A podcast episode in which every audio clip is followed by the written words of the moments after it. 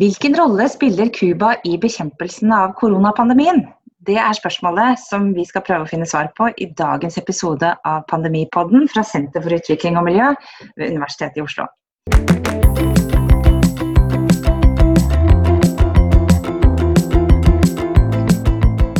Mitt navn er Benedicte Bull, og i Pandemipodden så ringer jeg til mine kolleger ved Sum og spør dem om spørsmål av, eh, som de har mye greie på av stor betydning for enten fremveksten av koronapandemien eller konsekvensene av dem.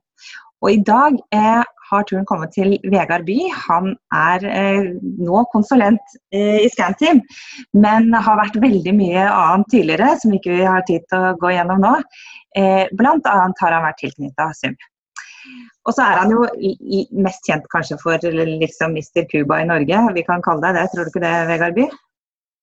Ja, det er vel ikke noen som sensurerer oss, sensurerer oss her. så vi får Men eh, eh, vi må jo begynne med hva som skjer på Cuba. Det hører vi absolutt ingenting om i norske medier.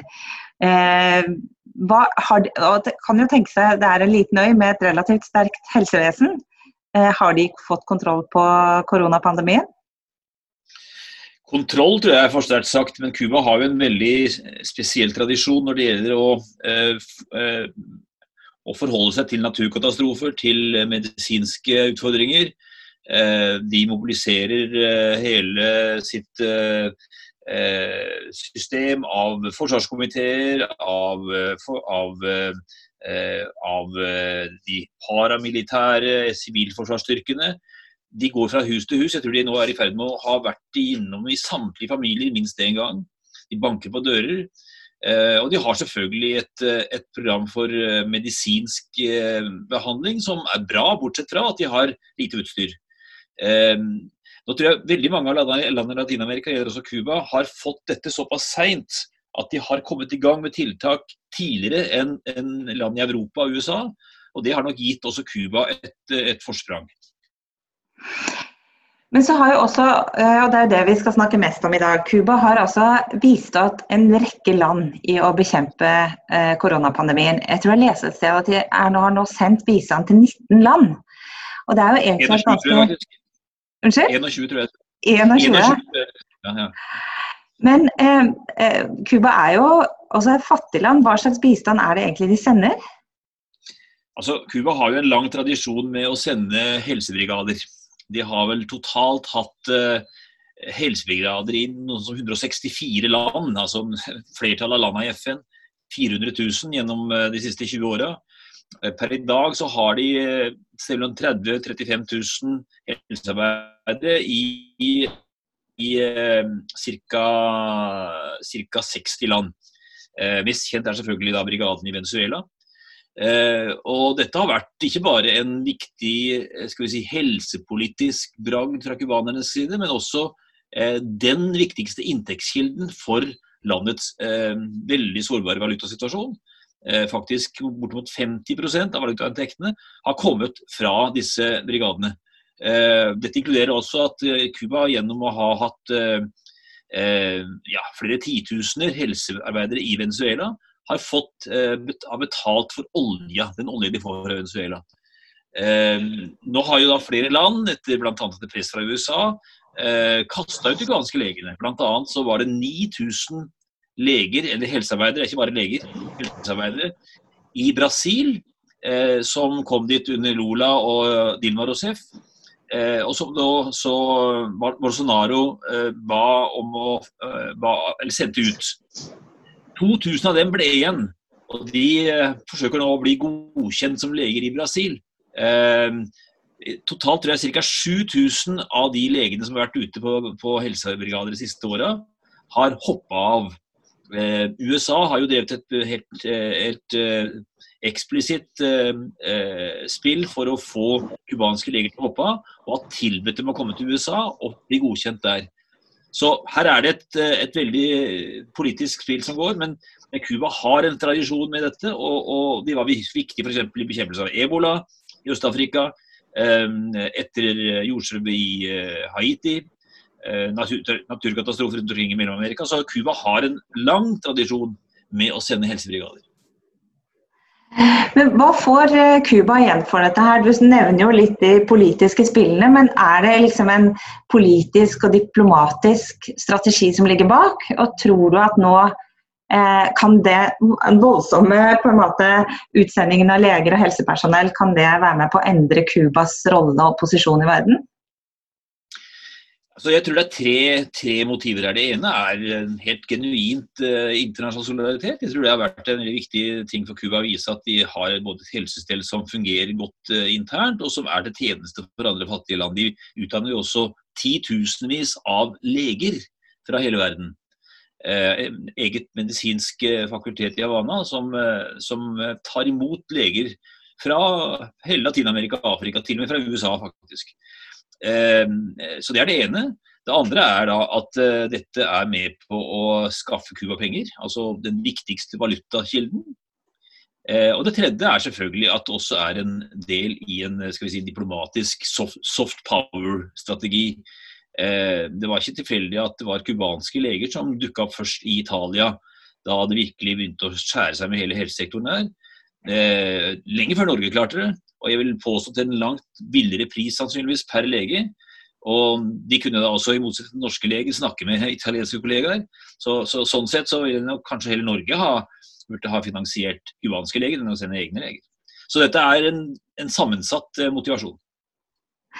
Men Cuba har jo også en eh, bioteknologisk industri. Spiller de noen rolle i dette her, eller er det mer Er de ikke så langt ja, altså, framme på forskningsfronten og sånn?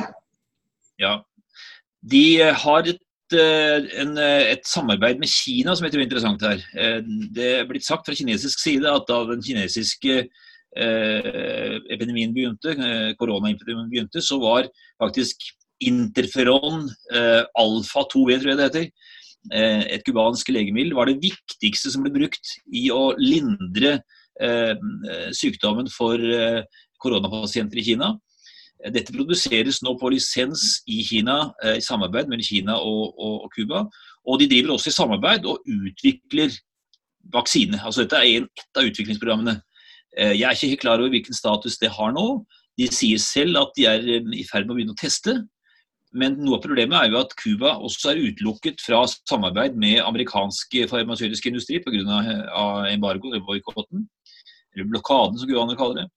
Og eh, de aller fleste eh, farmasøytiske utviklingsprosjekter i verden er knytta til amerikanske eh, eh si, laboratorier. Og Det betyr at når Cuba er utelukket fra det, og når f.eks. norske laboratorier ikke kan samarbeide med Cuba av frykt for å bli utelukket fra USA, så er det med på å Eh, redusere muligheten for at Cuba kan spille denne rollen. Men det at de nå samarbeider så tett med Kina, er sannsynligvis veldig viktig. Fordi Kina ligger langt framme her. Så ja, Cuba er absolutt med på å, i konkurransen om å utvikle eh, eh vaksinene mot, eh, mot, korona.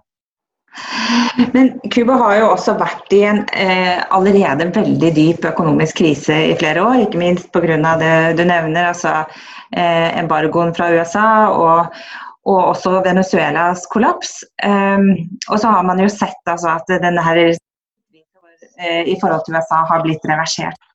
Hvordan kommer koronapandemien til å påvirke den cubanske økonomien? Er de like ille ute som mange andre land?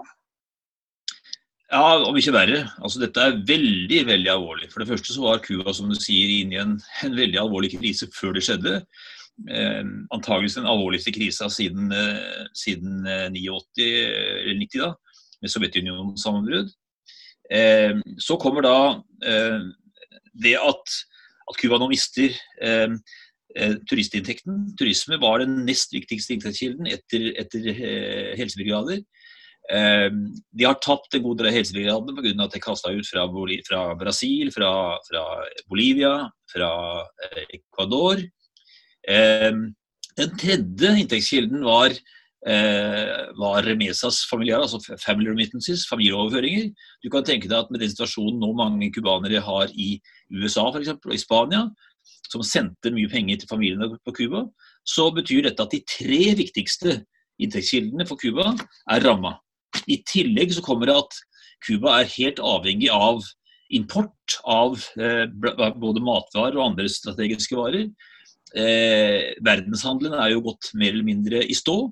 Eh, det betyr at eh, importen av mat til Cuba nå er eh, blitt veldig mye vanskeligere. og Cuba er ei øy. Det kan være en fordel i, i, i pandemisammenheng, men en ulempe når det gjelder å skaffe varer.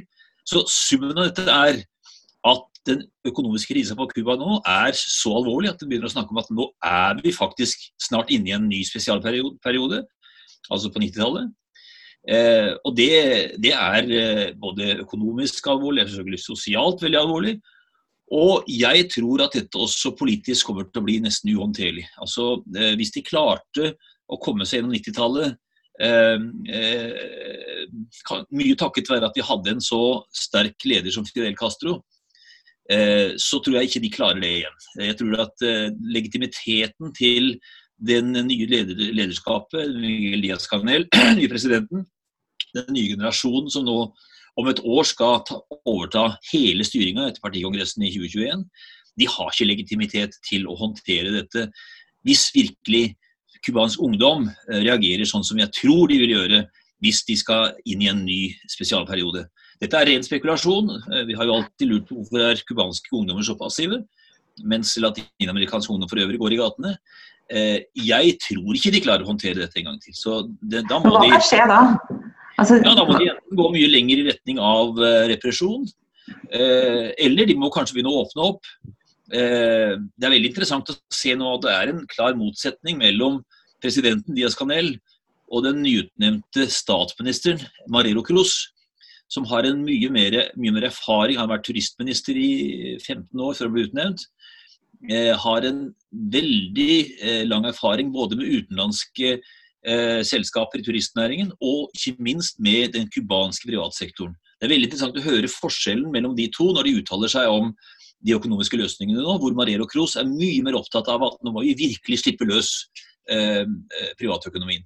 Han sier det på en forsiktig måte, men det er ingen tvil om at det er to forskjellige narrativer fra de to. nå. Vil det også innebære noe mer demokratisk åpning, eller snakker man her eh, om et forsøk på å beholde den politiske kontrollen, men åpne for mer eh, private initiativ? Altså Hittil har det heller gått eh, feil vei når det gjelder politisk uh, situasjon. Stadig nye, uh, nye knep for å stramme inn grepet på, når det gjelder sivilsamfunn, når det gjelder bloggere, når det gjelder uavhengige journalister. men jeg tror at hvis de nå ser seg nødt til å åpne opp inn økonomien for de eh, private aktørene, så vil det også ha ganske alvorlige politiske konsekvenser. Slik vi så i de første åra under Raúl Castro. Eh, det var jo en, en, en, interessant og ganske vidtgående reformprosess på gang i de første åra, som så ble skrudd til rundt 2016. Eh, både økonomisk og politisk. Og at, at, det er en sammenheng her, det tror jeg er ganske klart. Og det vil nok også eh, bli, bli merkbart hvis de åpner mer opp for private aktører. Må bare avslutte med det som vi alltid må komme inn på når det gjelder Cuba, og det er jo forholdet til USA. Du nevnte at cubanske leger var blitt kastet ut av USA også. Men eh, hvordan tenker du hele denne her krisesituasjonen kan, kan påvirke forholdet til USA? Ja, så nå er jo dette først er avhengig av hva som skjer ved valget i USA. Eh, hvis eh, Biden blir gjenvalgt, hvis han blir valgt, rettere sagt, så var jo han med på den åpningen som president Obama sto for. Eh, jeg vil anta at han vil gå tilbake og forsøke dette. Så er det altså spørsmål hvem får flertall i Kongressen. Vil det være et flertall der for å oppheve eh, embargoen? Det krever 60 stemmer i Senatet, og det skal vel mye til at at eh, demokratene får. Eh, det har også skjedd ting i det cubanske miljøet i Miami som kan forandre hele situasjonen. Og så kan en til og med si at eh, når, altså hvis nå Trump blir gjenvalgt, så vil han ikke lenger ha behov for å holde alliansen med cubanerne i Miami. Da trenger han ikke noen flere, flere valgkampanjer. mange sier at kanskje det er Trump som kommer til å åpne forholdet til Cuba ved å starte investeringer i hoteller på Cuba osv. Så, videre, og så, så alt dette er spekulasjon, men det er klart at valget i USA blir veldig avgjørende. Slik det er i dag, så er Cuba eh, på linje med Venezuela på lista over de land hvor USA driver en, en regimeendringsstrategi. Eh, så, så, med den sårbare økonomien som, som, de har nå, og den krisa de går inn i med, med med, med, denne epidemien, så er det veldig alvorlig. Og Det er jo også grunn til å nevne da at, at FNs høykommissær for menneskerettigheter av den grunn har sagt at eh, i, eh, hvis man skal være eh, solidariske i bekjempelse av korona, så må alle disse, disse sanksjonstiltakene USA har gående, de må oppheves. Men det bryr selvfølgelig ikke USA seg om. Så situasjonen er veldig alvorlig. Og, og, om de klarer å holde, holde dette gående fram til valget i USA, så er det klart at det valget blir veldig avgjørende for hva som skjer med forholdet mellom USA og Cuba, og med Cuba som sådan. Det var jo ganske relativt klar, klare gjetninger, i hvert fall. Vi får se hvordan det barker i vei. Man blir jo ganske deprimert uh, av å tenke på at uh, politiske hensyn får forrang så til de grader. Man kunne jo tenke seg at både Brasil og Ecuador godt kunne hatt bruk for disse cubanske legene akkurat nå. Men det uh, Sånn er det i Latin-Amerika mange steder. Tusen takk for praten, Vegard. Vi håper vi får tatt den med over en ordentlig kaffe om ikke så altfor lenge. Gjør vi. Ha det.